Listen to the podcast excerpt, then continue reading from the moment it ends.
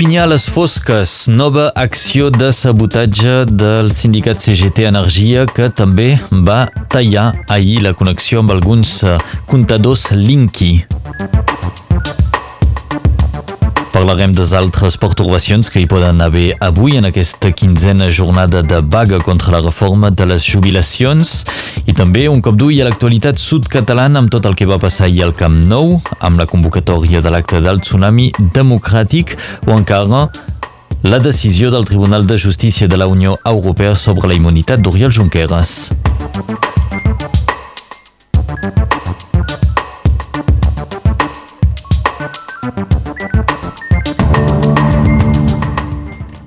Bona part de Perpinyà es troba de nou aquest matí a les fosques. Diferents punts de la vila són concernits, s'han despertat doncs, sense cap subministrament elèctric en una nova acció que recorda la que va dur a terme el sindicat CGT Energia la setmana passada, que doncs, va deixar unes 5.000 cases sense electricitat.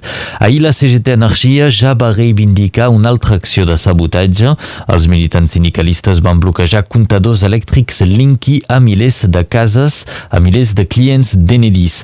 El Linky, ja ho sabeu, és aquell comptador dit intel·ligent que permet controlar a Enedis doncs, des d'allà de, des el, el, el vostre consum d'electricitat a casa, però també permet a Enedis tallar o rebaixar la potència del consum elèctric a un domicili en cas que doncs, el client no hagués pagat uh, la seva uh, contribució. De fet, per això la CGT Energia va decidir de desactivar aquest sistema i els militants CGT doncs, van eh, reivindicar aquesta acció com a protesta contra la reforma de les jubilacions.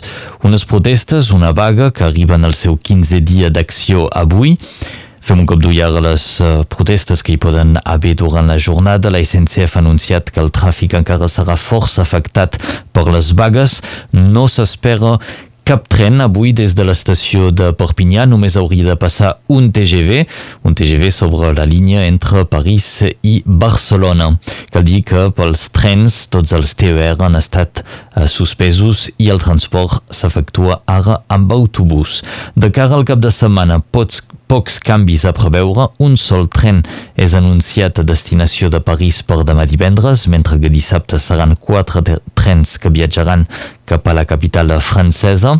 Dissabte encara serà possible trobar algun tren a destinació de Toulouse i un altre cap a Marsella.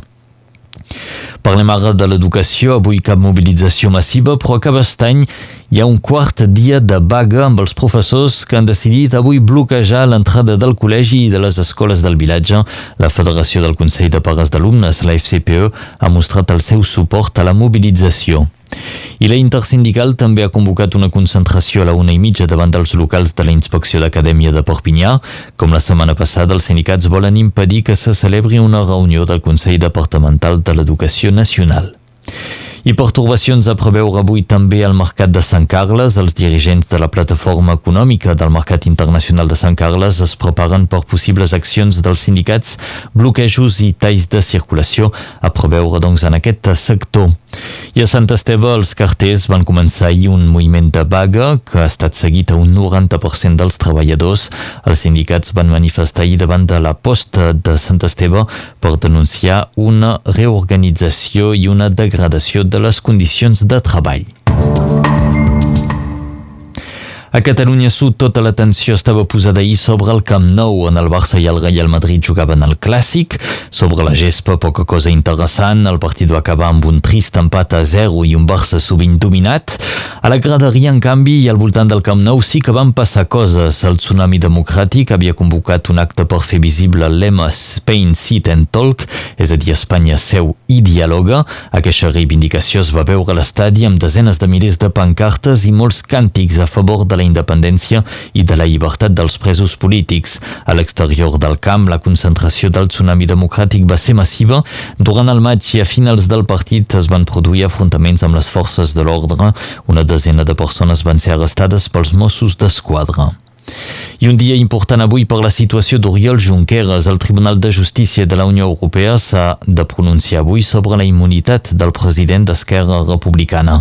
El Tribunal del Luxemburg ha decidit ha de decidir avui si Junqueras tenia immunitat pel fet d'haver estat escollit eurodiputat i, per tant, si el Tribunal Suprem espanyol hauria d'haver-li permès sortir de la presó per acceptar el càrrec davant de la Junta Electoral Central.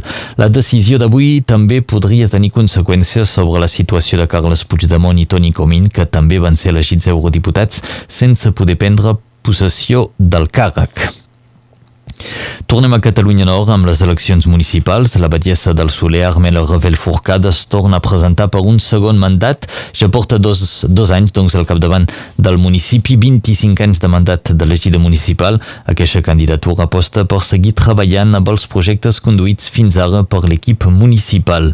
I a bon pas s'ha presentat la candidatura de Carolina Langley, actualment consellera municipal. Aquesta llista es presenta sense cap color polític, amb la voluntat de desenvolupar l'economia l'economia del vilatge, aplicar una veritable democràcia participativa i donar protagonisme a les associacions. Ryanair ha anunciat dos nous vols per la temporada d'estiu del 2020 des de l'aeroport de Girona. El primer connectarà Girona a l'Alguer i l'altre portarà els viatgers fins a Anglaterra, una seixantena de quilòmetres de Londres.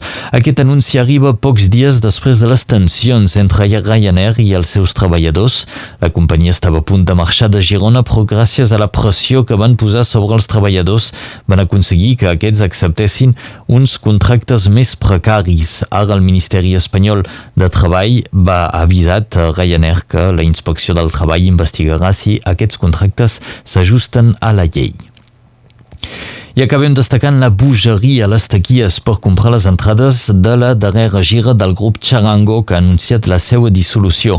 El grup ha venut més de la meitat de les entrades dels concerts de la seva última gira en només 24 hores. Ja s'han esgotat, per exemple, totes les entrades en una de les dues actuacions que faran a Girona al febrer del 2021.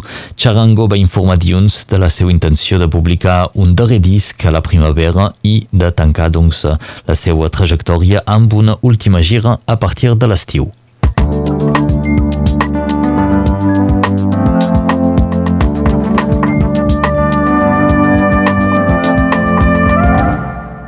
Passem ara a la informació del temps.